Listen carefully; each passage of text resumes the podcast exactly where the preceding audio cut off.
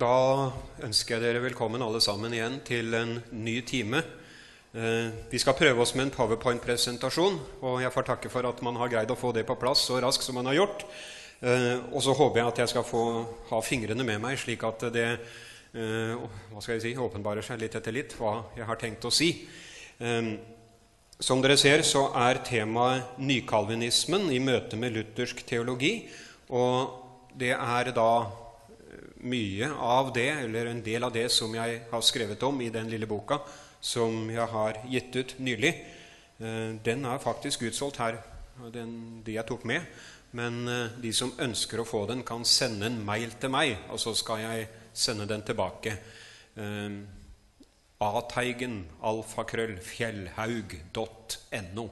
Og du finner adressen på Fjellhaugs hjemmeside hvis du glemmer den. Og da tar jeg 130 kroner for den. Da blir det altså med, med porto. Jeg har lyst til at vi også skal legge det jeg vil si, i Herrens hender. Kjære Jesus Kristus, jeg vil be om din velsignelse over det jeg skal si. Jeg ber om at jeg må få si sannheten om disse tingene. At vi må, Herre Jesus, få den nåde å tale om nykalvinismen og disse nye retningene med det rette sinnelag, slik at vi, Herre Jesus, kan se på hverandre som brødre og søstre, og samtidig få frem at det er forskjellige synspunkter på mange ting. Jeg ber om at det jeg sier, må bli til hjelp og klargjøring i ditt navn. Amen. Um, dette ordet nykalvinisme er Jeg vet ikke hvor kjent det er egentlig, men jeg har et følelse av at det har begynt å innarbeide seg. Begrepet, eller ordet, det Skal vi se Der, ja.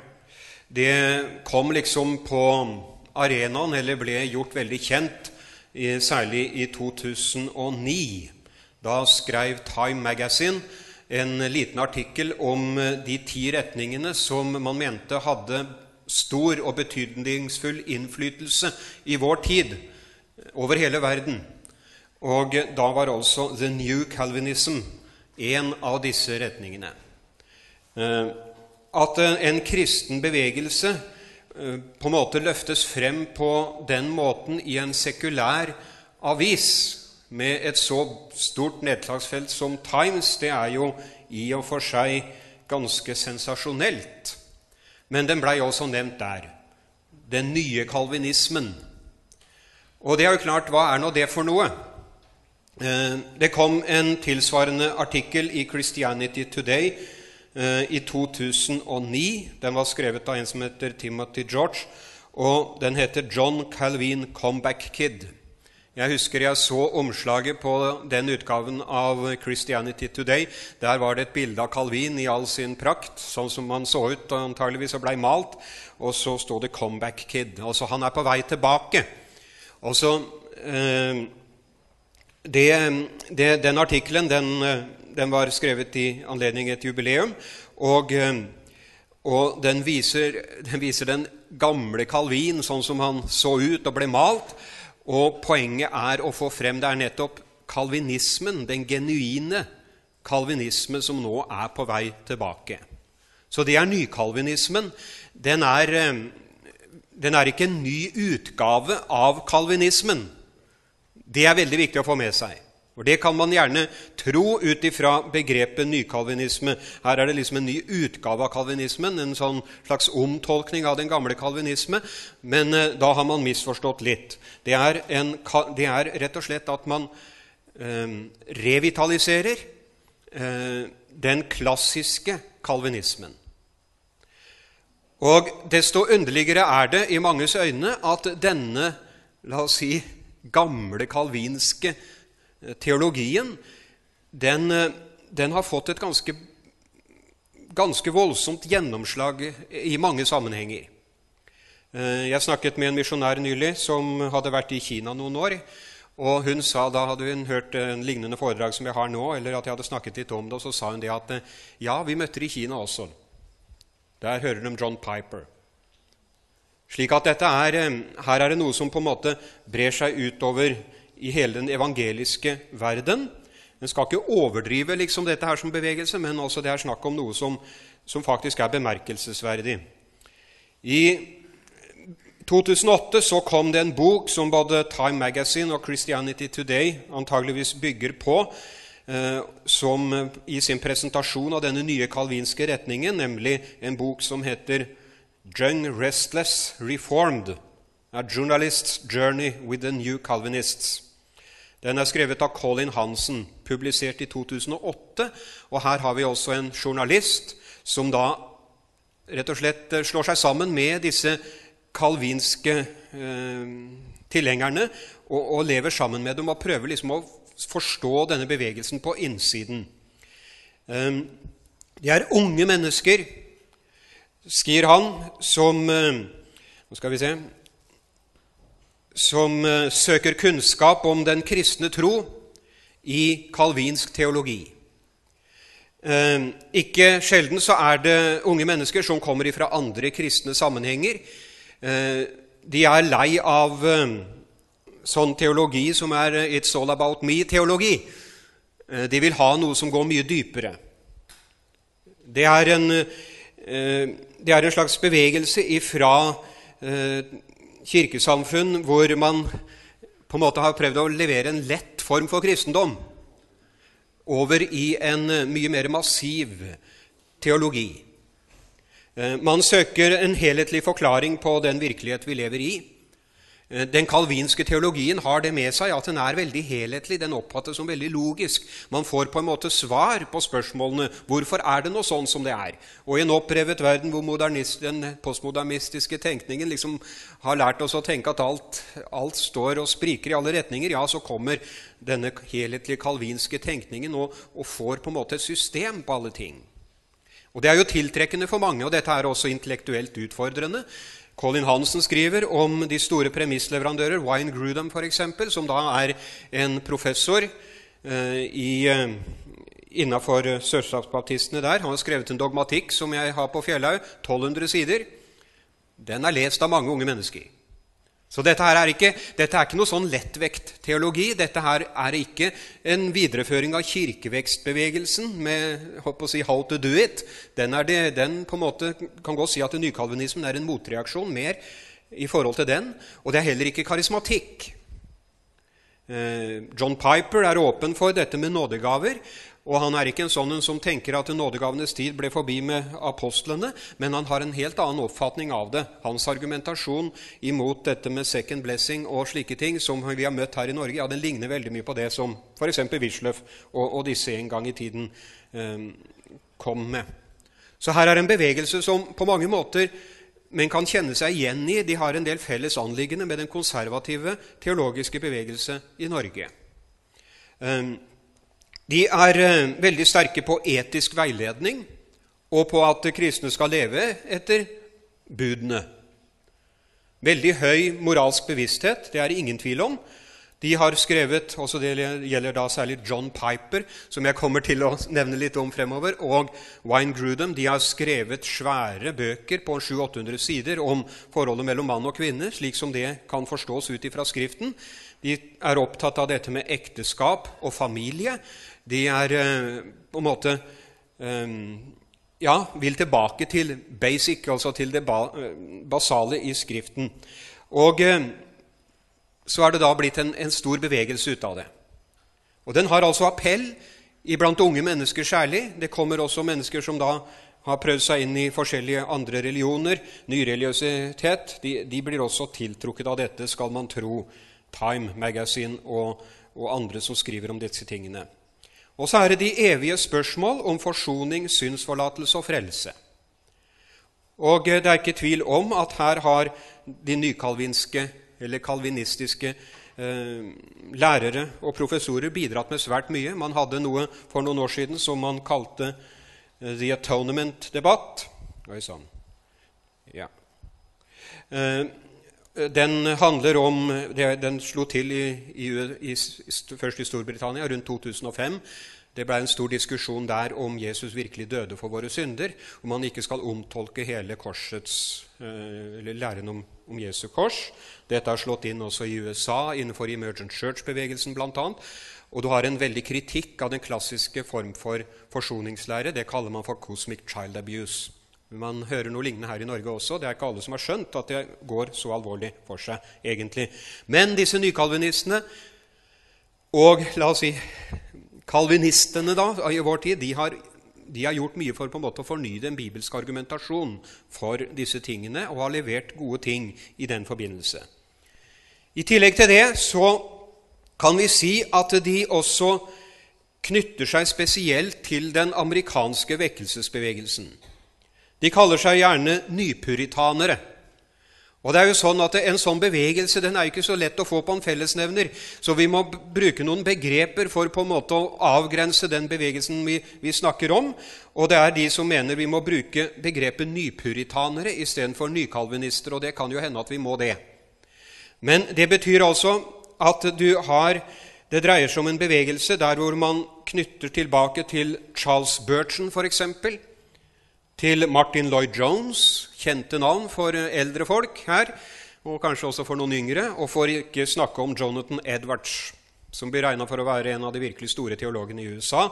Eh, han var både professor og, og, eh, og si en stor leder innafor eh, den bevegelsen som ble til det vi kaller den puritanske bevegelse innafor USA, og, og, dette med The Great Awakening osv det at de, de vil videreføre vekkelsens anliggender, det er noe som særpreger denne bevegelsen, og de fremstår da ofte med en veldig klar og tydelig vekkelsesforkynnelse. Den som har lest dem og hørt dem, ikke minst på YouTube og på disse nettstedene hvor de er tilgjengelige, de vil si ja, dette er jo vekkelsesforkynnelse.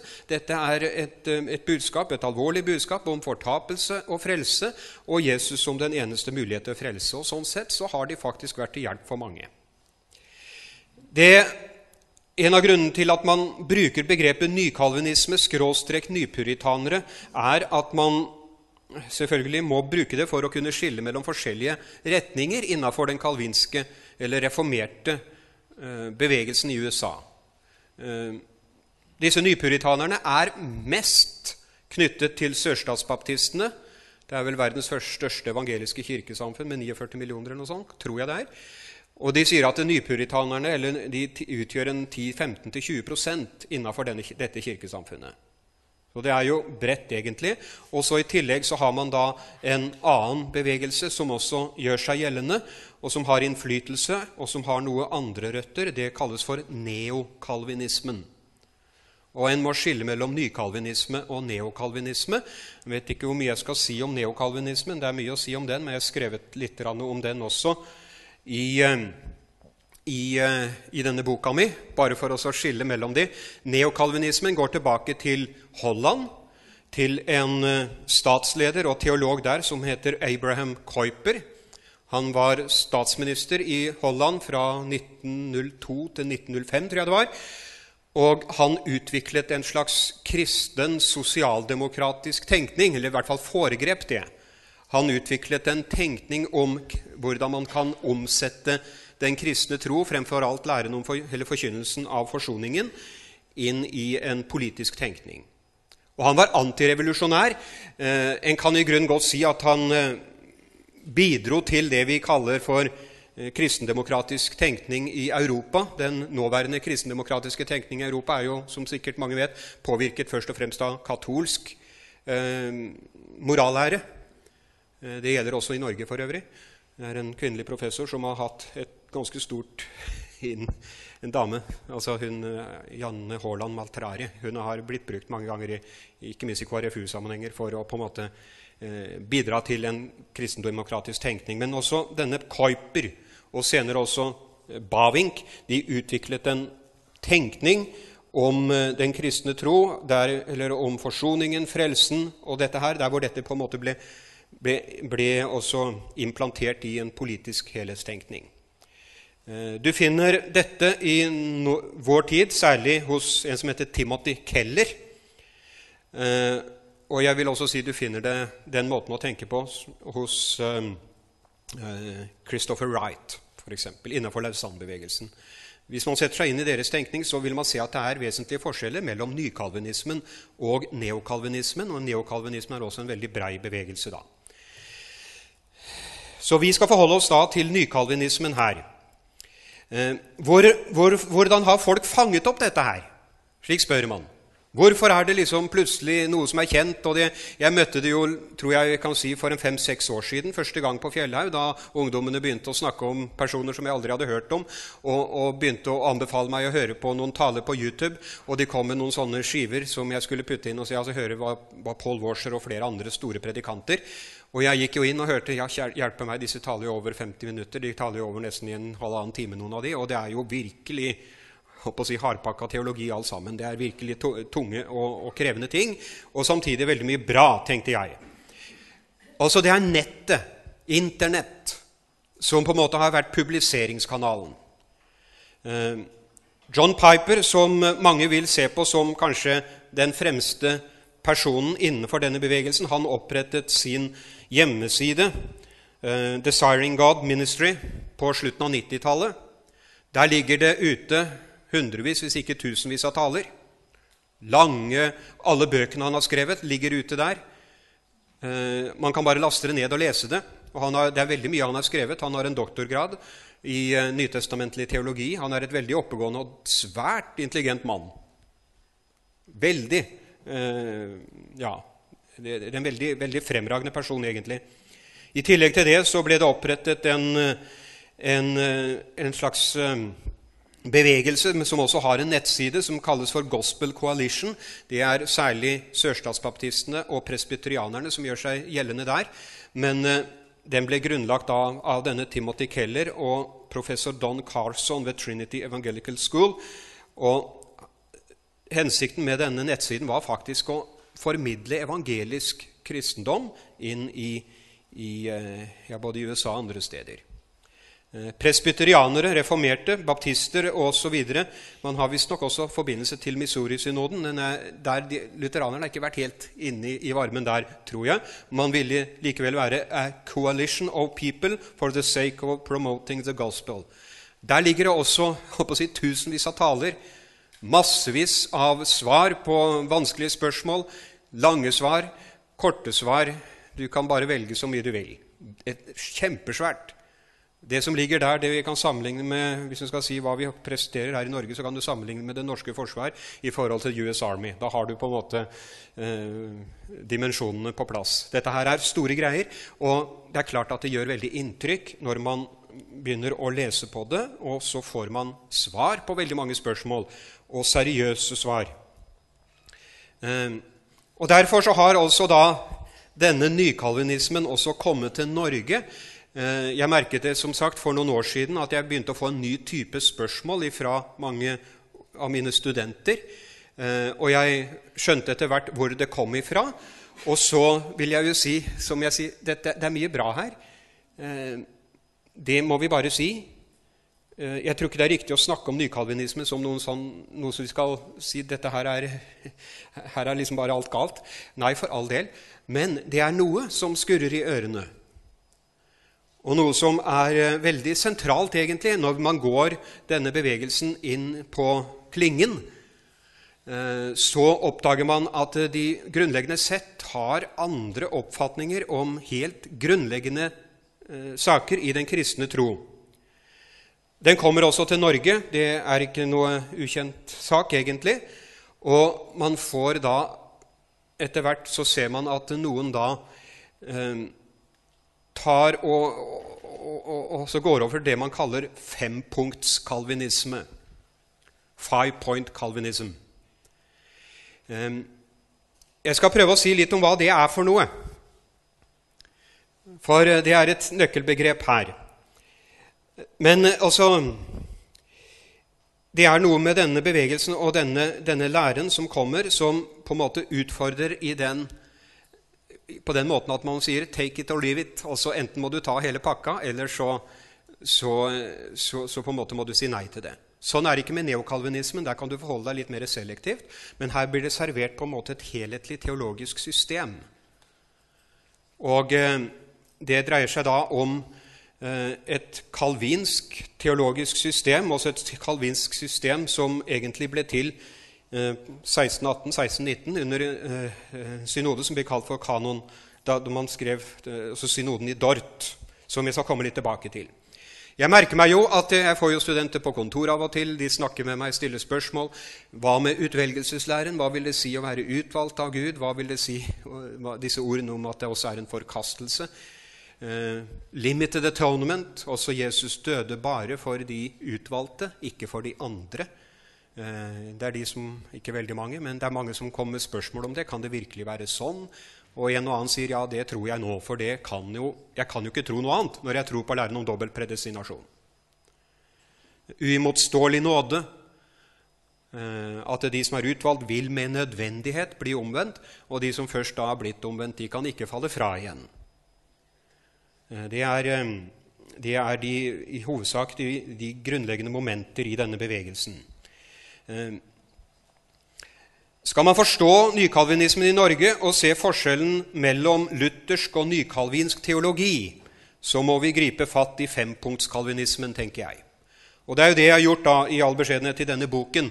Jeg prøver å presentere noen av de mest, eh, eller ta et utvalg av personer som står mer eller mindre sentralt i denne retningen, for å vise at den er noe mangfoldig, og så tenker jeg det er nødvendig på en måte å bygge opp en slags forståelse av kalvinismen for å kunne vurdere eh, de det, det, det, man hører ifra denne bevegelsen. Noe står litt mer fjernt i forhold til, til i, den klassiske fempunkt-kalvinismen. Det gjelder bl.a. Mark Driscoll, som det har stått litt om i avisene nå.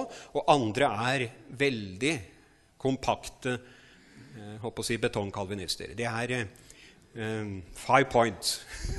ja.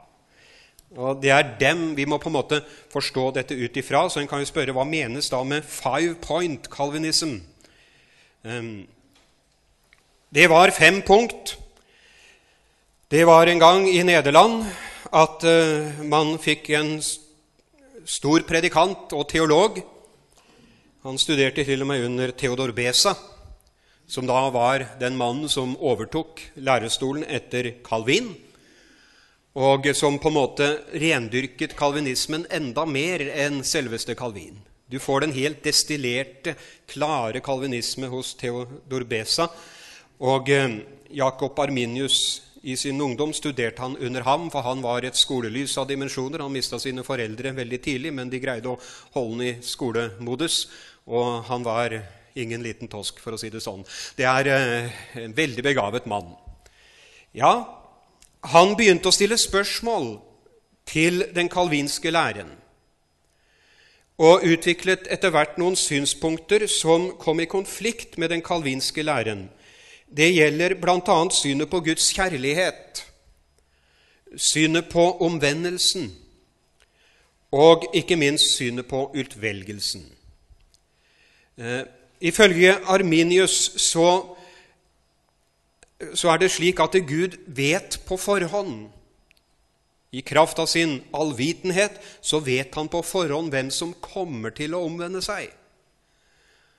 Og det kan du tenke, Han tenkte nok ut ifra en sånt veldig presentisk forståelse av evigheten. Evigheten er ikke forstått i tidens kategori, men også noe som er hevet over tid. At Gud alltid er presentisk. Han ser alt i samtidighet. Og Det er jo nesten en umulig tanke for oss, men både Augustin og Arminius og diverse andre har tenkt i de baner, ikke helt uten grunn. Så han, han Svein Gud ser hvem som vil komme til å omvende seg, og disse som da kommer til å omvende seg, det er de utvalgte.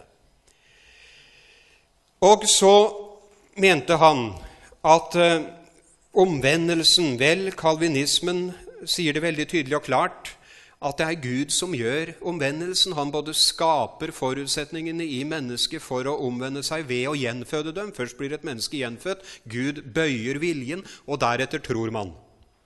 Jeg kommer litt tilbake til den prosessen, for den er ganske fremmed i forhold til den lutherske forståelsen av det. Så Det er også da en veldig gjennomført monergisme, dvs. Si at Gud gjør alt i omvendelsen teologi. Det, det er, Kalvinismen er veldig, går veldig langt den veien. Men Jakob Arminius han sa det. Ja, det må jo være en respons i oss mennesker også. Og, men han mente jo da han, han, mente jo det at det betyr ikke at mennesket da var totalt, ikke var totalt eh, preget av syndefallet. Og Han ville heller ikke si at det var noe slik at Gud valgte ut noen fordi de var bedre enn andre, men også nettopp fordi at Gud ser hvem som kommer til å omvende seg, så er ikke omvendelsen den er ikke ubetinget. Den forutsetter troen. Og han utviklet en lære om at eh, Gud, som en følge av forsoningen, foretar en sånn gjenopprettelse i hele menneskeheten som gjør at alle på en måte kommer opp på et litt høyere nivå, slik at en kan klare å respondere på, på troen, eller på omvendelsens utfordring, for å bruke det uttrykket. Det er Arminius. Um, og han utformet disse lærepunktene sine, eller vil si hans disipler etter ham. De, han døde i 1609. De, han fikk en, en eh, stor disippelflokk som ble kalt remonstratene. Og de skrev et vakkert brev til eh, de nederlandske myndigheter om ikke de kunne være så snille og få lov til å lære å tro det, de, det, det som Arminius hadde lært. liksom. Ja, det må vi snakke med teologene om. Og det ble nedsatt en synode i Dortrecht som varte fra 1618 til 1619, der hvor man tok opp synspunktene fra Arminius og overfor alle de fem punktene som Arminius hadde om utvelgelsen, om Guds kjærlighet og omvendelsen. Omvendelsen kan, Mennesket kan stå imot sin omvendelse, mennesket kan stå og falle fra osv. Ja, så utviklet man fem punkter som på en måte var en avvisning og en presisering av den kalvinske lære om disse tingene. Og siden man var i Nederland, så greide man også å få disse fem punktene inn i bokstavene tulipan, altså tulip. Og jeg må jo si det, Når jeg jobba med dette, her, og så har jeg gått på butikken for å kjøpe noe hermetikk eller noe kjøttvarer, så står det tulip utapå. Da tenker jeg nå, nå, er på, nå, er du på, butikken, du er ikke i, på biblioteket. Og det er også blitt sånn med meg av og til, bare for å nevne det, før sommerferien, at når jeg gikk og leita etter hermenautiske erter, for å si det sånn, i hermetikkhylla, da skjønte jeg også at nå nærmet det seg tiden for en sommerferie. Så sånn er det å være teolog. Men nå har jeg hatt sommerferien, så nå håper jeg greier å holde det noenlunde i Ja, det er sånn det er. Ja. Hva er det disse bokstavene står for? Jo, T Total depravity, altså totalt syndeforderv, det lærte kalvinistene, det lærte for så vidt arminianerne, men menneskeheten hadde på en måte blitt reparert som en følge av synde, forsoningen. Men man har en lære om syndefallets eh, totalitet som i grunnen står veldig nær den lutherske oppfatningen. Det er, ikke, det er ikke der vi er uenige, tror jeg vi kan si. Vi kan vel finne noe der òg, sikkert. Men men skal vi ikke alltid bare leite etter sånne ting, da? Men så er det også ube, unconditional election. Ubetinget utvelgelse. Det er, det er sagt veldig tydelig overfor Arminius, som da sier den Gud ser vil omvende seg, den er utvalgt. Ja, hvis du sier det, så blir jo omvendelsen Eller da blir jo Guds utvelgelse betinget av noe i mennesket. Og det kan den jo ikke være. Slik at det her blankpusser man både Calvin og Theodor Besas lære. Theodor Besa var der, han fikk ikke så stor oppslutning som han hadde håpet. det er helt tydelig. Men, eh, men mennesket blir på en måte utvalgt helt ubetinget. Og det betyr at utvelgelsen til At man velges til, til fortapelse eller til frelse, og det knyttes til skapelsen. Man skapes til å gå fortapt, eller man skapes til å bli frelst.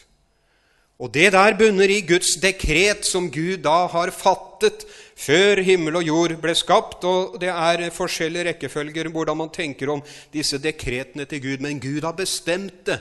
Og fordi Gud er suveren, suveren, så vil alt skje slik som Gud har bestemt i sine dekreter, og i den forbindelse så snakker kalvinisten om Guds suverene nåde.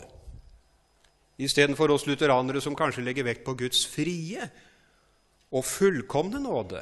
Nåden er for alle, sier vi. Gud har jo sonet alle menneskenes synder. Og det er jo fritt, kom som du er, osv. Nei, det kan ikke en kalvinist si. Han må snakke om Guds suverene nåde. Og det at nåden er suveren, det er det at den blir bare virkeliggjort i forhold til de som er utvalgt fra evighet av.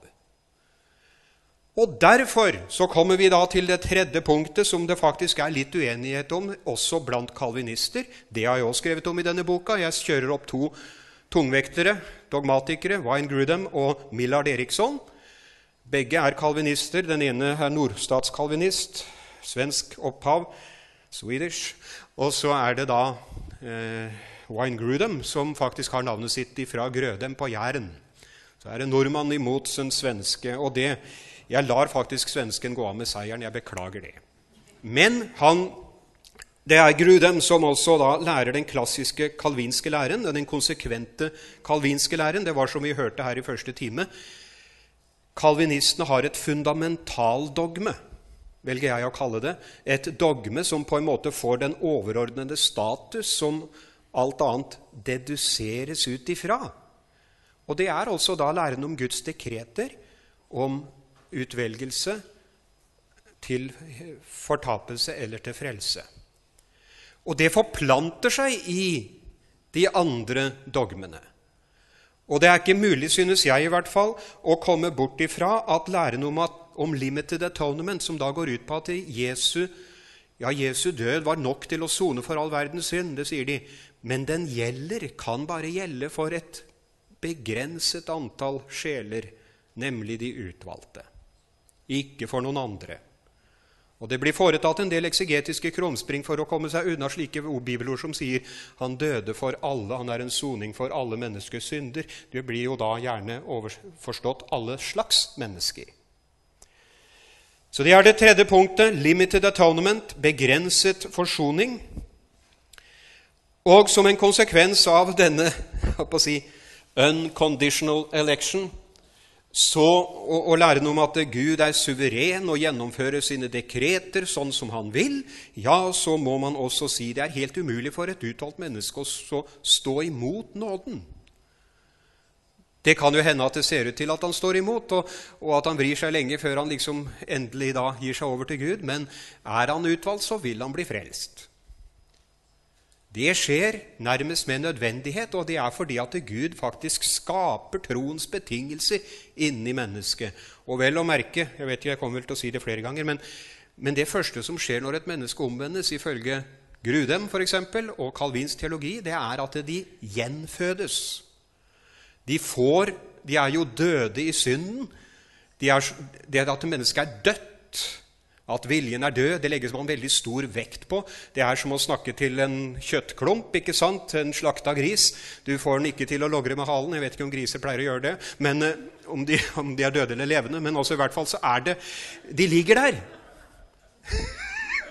ja. Det er, det er, den kalvinske tankegangen. Det er sånn vi er døde i forhold til, i forhold til Gud.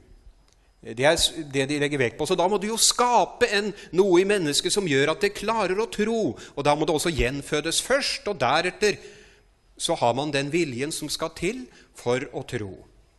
Og alt dette oppleves jo subjektivt, selvfølgelig. Eh, I luthersk teologi så er det jo mer sånn at, eh, at mennesket vi sier at det er død i synden. Men som de sier i Sverige, altså Ja, han er død, men han rør på seg.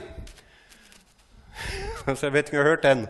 Eh, ja, han rører på seg. Og det er jo det at når et menneske kommer i konfrontasjon med Guds bud og Guds lov, ja, så skal vi si de rører på seg. De gjør motstand. Eh, de, de, de stritter imot, og de, de, begynner faktisk å prøve å komme seg unna Gud. De lever i, dette med døden er ikke sånn at mennesket ikke kan røre på seg. slik at I Luthers tenkning så, så har man en annen forståelse, i hvert fall når man tenker om omvendelsen, enn den som kommer til uttrykk i i kalvinsk teologi. Gjenfødelsen først. Viljen bendes, bend sitt, altså den, den omdannes, og så tror man. Og så er man da et frelst menneske. Og eh, så er det sånn Har du da blitt frelst? Er du utvalgt? Ja, så kan du ikke falle fra. Det er helt umulig, for det er imot læren om Guds suverenitet. Det er umulig å tenke seg at Gud kunne mislykkes i å, vel, å si, frelse dem han har bestemt skulle bli frelst. Det gjør han. Ja, ja, det er jo noen som faller fra, da. Ja, Hva sier man da? Jo, det skriver også moderne kalvinismer, John Piper ikke minst. Et frafall viser bare at man aldri har vært omvendt. Så som jeg sa, det preges av en logikk som kan virke litt besnærende, men man har, man, alt går liksom opp. Og jeg vil jo si det, særlig når det gjelder dette med at ja, hvis du faller fra, så viser det jo bare at du aldri har Det, viser, det er bare et bevis på at du aldri har vært en sann troende. Du er ikke utvalgt. Ja, det, det er jo en aldri så liten sånn logisk eh, nødløsning, kan jeg godt si. Men mye av dette her blir mennesker grepet av, selvfølgelig.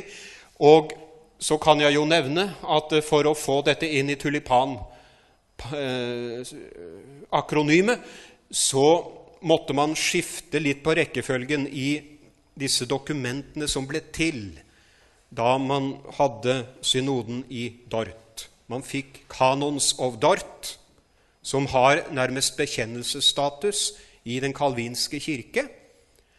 Og der står altså først læren om unconditional election, så kommer limited atonement, så kommer læren om totalt syndeforderv og uh, uimotståelig nåde og uh, en gang frelst, alltid frelst. De kommer i rekkefølge, for de er den logiske følgen å tenke på i den kalvinske teologien. Som jeg sier Hvor mye tid har jeg igjen nå? Kvarter, ja. Jeg bare skru meg av når, uh, når det er sånn så er det greit. Ja, altså Kalvinsk teologi bygger på det jeg kaller et, et uh, fundamentaldogme. Det er et dogme som blir overordnet de andre. Det hørte vi veldig mye om i første time, og jeg er veldig glad for det vi hørte der. Tenk, vi tenker helt likt. Uh, mens den lutherske teologien da, altså, har et annet fundamentaldogme. Det er et annet dogme som på en måte alt sirkler rundt. Og det er jo det som kommer til uttrykk i de smalkaldiske artikler. ikke sant? Artikkel 1 at eh, fra denne lære kan vi ikke vike, om så himmel og jord forgår. Altså Det er læren om Jesus soningsdød og rettferdiggjørelsen ved troen alene.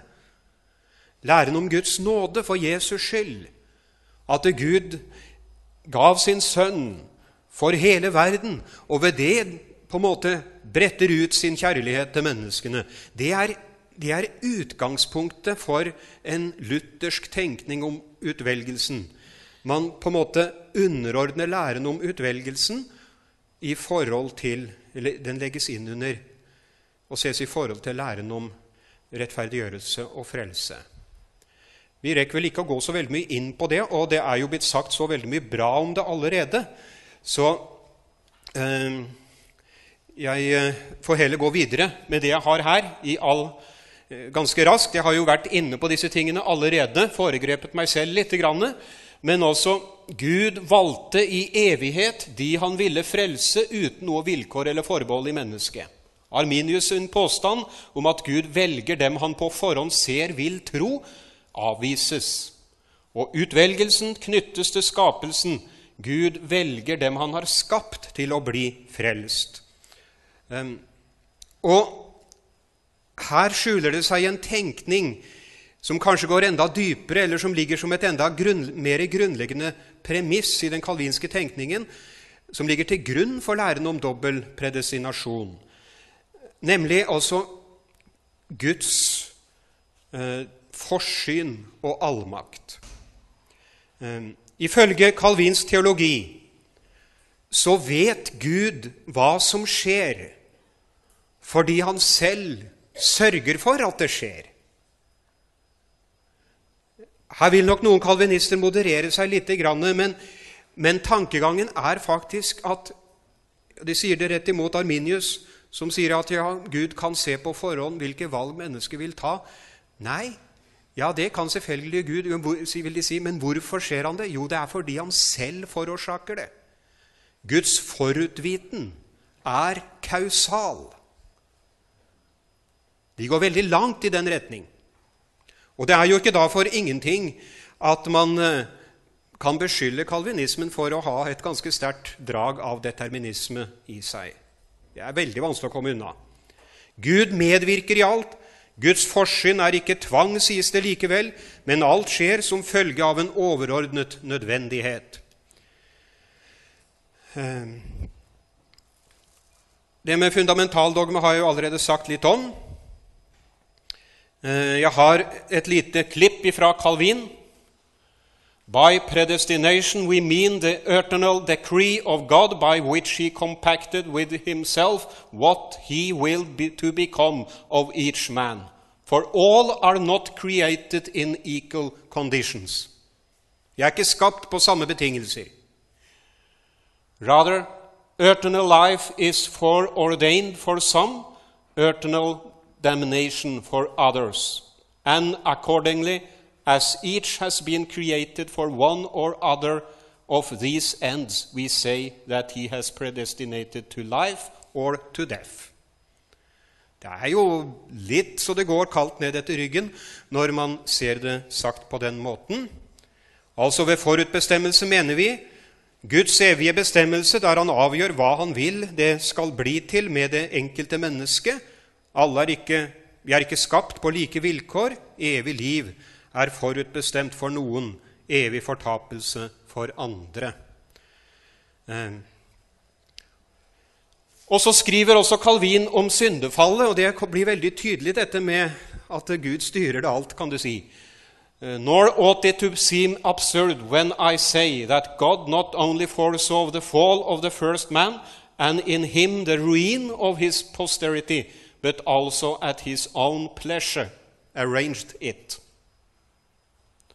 Altså, Gud ikke bare forutså syndefallet og menneskehetens fall, men han arrangerte det selv i samsvar med sitt velbehag. Um, ja uh, Jeg tror ikke jeg skal si så veldig mye mer om hvordan det lutherske alternativet er. Det har blitt sagt en del om det allerede i timen foran.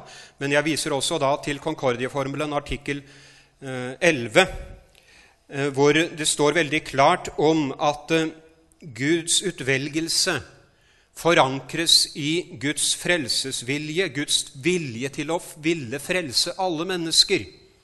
Det står helt tydelig og klart og eksplisitt utsagt i Concordie-formelen. Guds universelle nåde, også Guds vilje og ønske om at alle skal bli frelst, er årsaken til at Gud søker den enkelte. Ja, hvorfor søkte du meg, Gud? Hvorfor fant du meg? Ja, det er en stor gåte for oss alle. Her står jeg, ikke sant? Jeg var så heldig å få innbydelsen. Jeg håper å si Den kom gjennom hjemmet mitt, men tenk deg jeg si den kom i posten. Det står du er innbudt til bryllup i himmelen. Rex Jesus. Altså, tenk på det. Det står jo her. Jesus, kongen, har invitert deg. Ja, det ville jo ikke være så verst å bli invitert til Slottet når en av de store kongelige skulle gifte seg. Jeg ville jo nesten ikke tro det skulle gjelde meg hvis jeg fikk et sånt brev. Men tenk så stort det er å bli invitert til bryllup i himmelen. Skal jeg ikke tro det? Innbydelsen står her. Sånn tenker vi som lutheranere. Så spør vi hva er det som beveger Gud til å gi dette spesielt til meg? Ja, Han vil ikke bare at du skal bli frelst, han vil at alle skal bli frelst. Det var derfor han kalte Abraham. Det var for at hele verden skulle bli velsignet i ham. Guds utvelgelse er ekspanderende. Den er ikke ekskluderende. Den skal nå ut til alle. Ja, det er i hvert fall noe å ta med seg. Um, Guds evige frelsesvilje, ja, jeg har det litt om det her. Solida declaratio kapittel artikkel 11. Og så får jeg kanskje si litt om dette med limited atonement. Jeg rekker det i løpet av fem minutter. Uh, det er kanskje det, lære, det lærepunktet som det er mest diskusjon om blant kalvinistene selv. Ehm, men five point-kalvinister må ha med alle fem punktene for å kunne ja, på en måte være i samsvar med sin egen bekjennelse. Og det som særpreger nykalvinismen, og som gjør den si, altså, så gjør at vi kan si her har det med genuin nykalvinisme å gjøre, det er faktisk at man har med denne læren her òg. Limited atonement.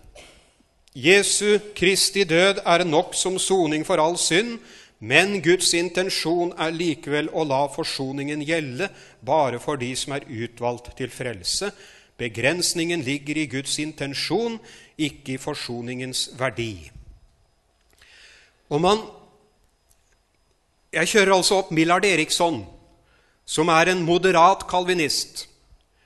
Han går med på alle fire punkter, bortsett fra dette.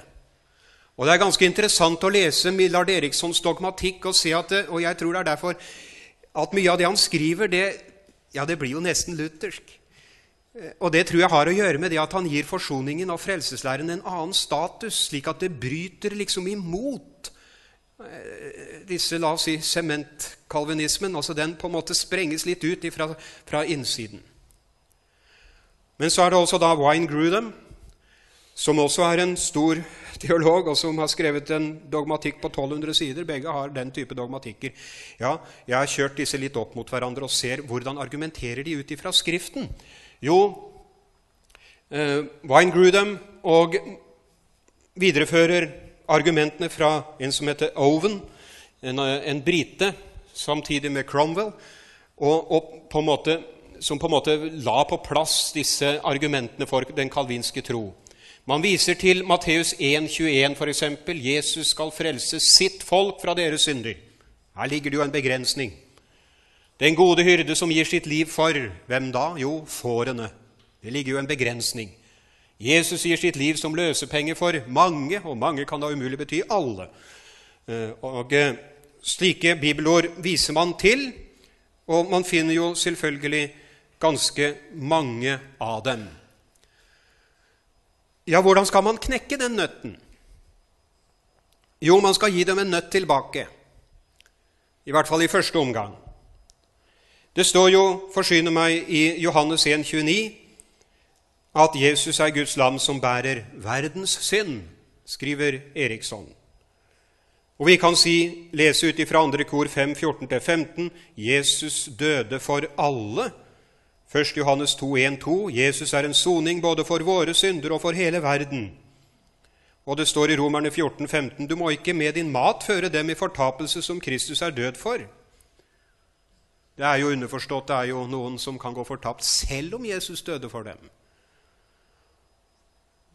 Sier, skriver Paulus. Like bibelord um, viser da Eriksson til, og så sier han um, sier han, det at Jesus sier at han døde for sine får, utelukker ikke at han også døde for alle.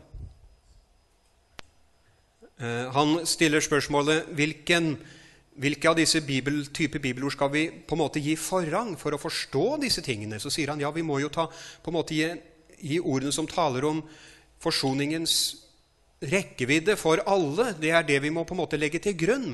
Og så sier Når Jesus sier han døde for sine får, så han, har han ikke da motsagt at han døde for alle. Da får du disse ordene til å harmonere. Du, gjør du disse ordene som lager, legger an en begrensning, og som sier at Jesus døde for sine får, la de være de overordnede til forståelse av forsoningens rekkevidde, ja, så kan du ikke harmonere det med de ordene som sier eh, at han døde for alle. Men det kan du også hvis du tar den andre rekkefølgen. og da, Det er da du ser at, eh, at du får et gjennombrudd, et aldri så lite gjennombrudd for en anelse av luthersk tenkning hos den godeste Eriksson. Eh, læren om Guds allmenne frelsesvilje blir på en måte overordnet, i hvert fall til forståelse av forsoningen. Og Det er jo det vi lutheranere gjør. Men vi lar dette dogmet få enda større betydning og la oss si det får en slags dominoeffekt for forståelsen av en rekke andre dogmer, eh, som jeg har påpekt.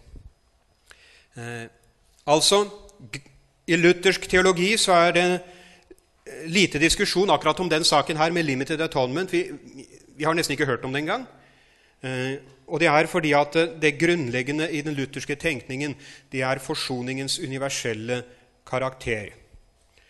Gud innbyr synderen til å komme.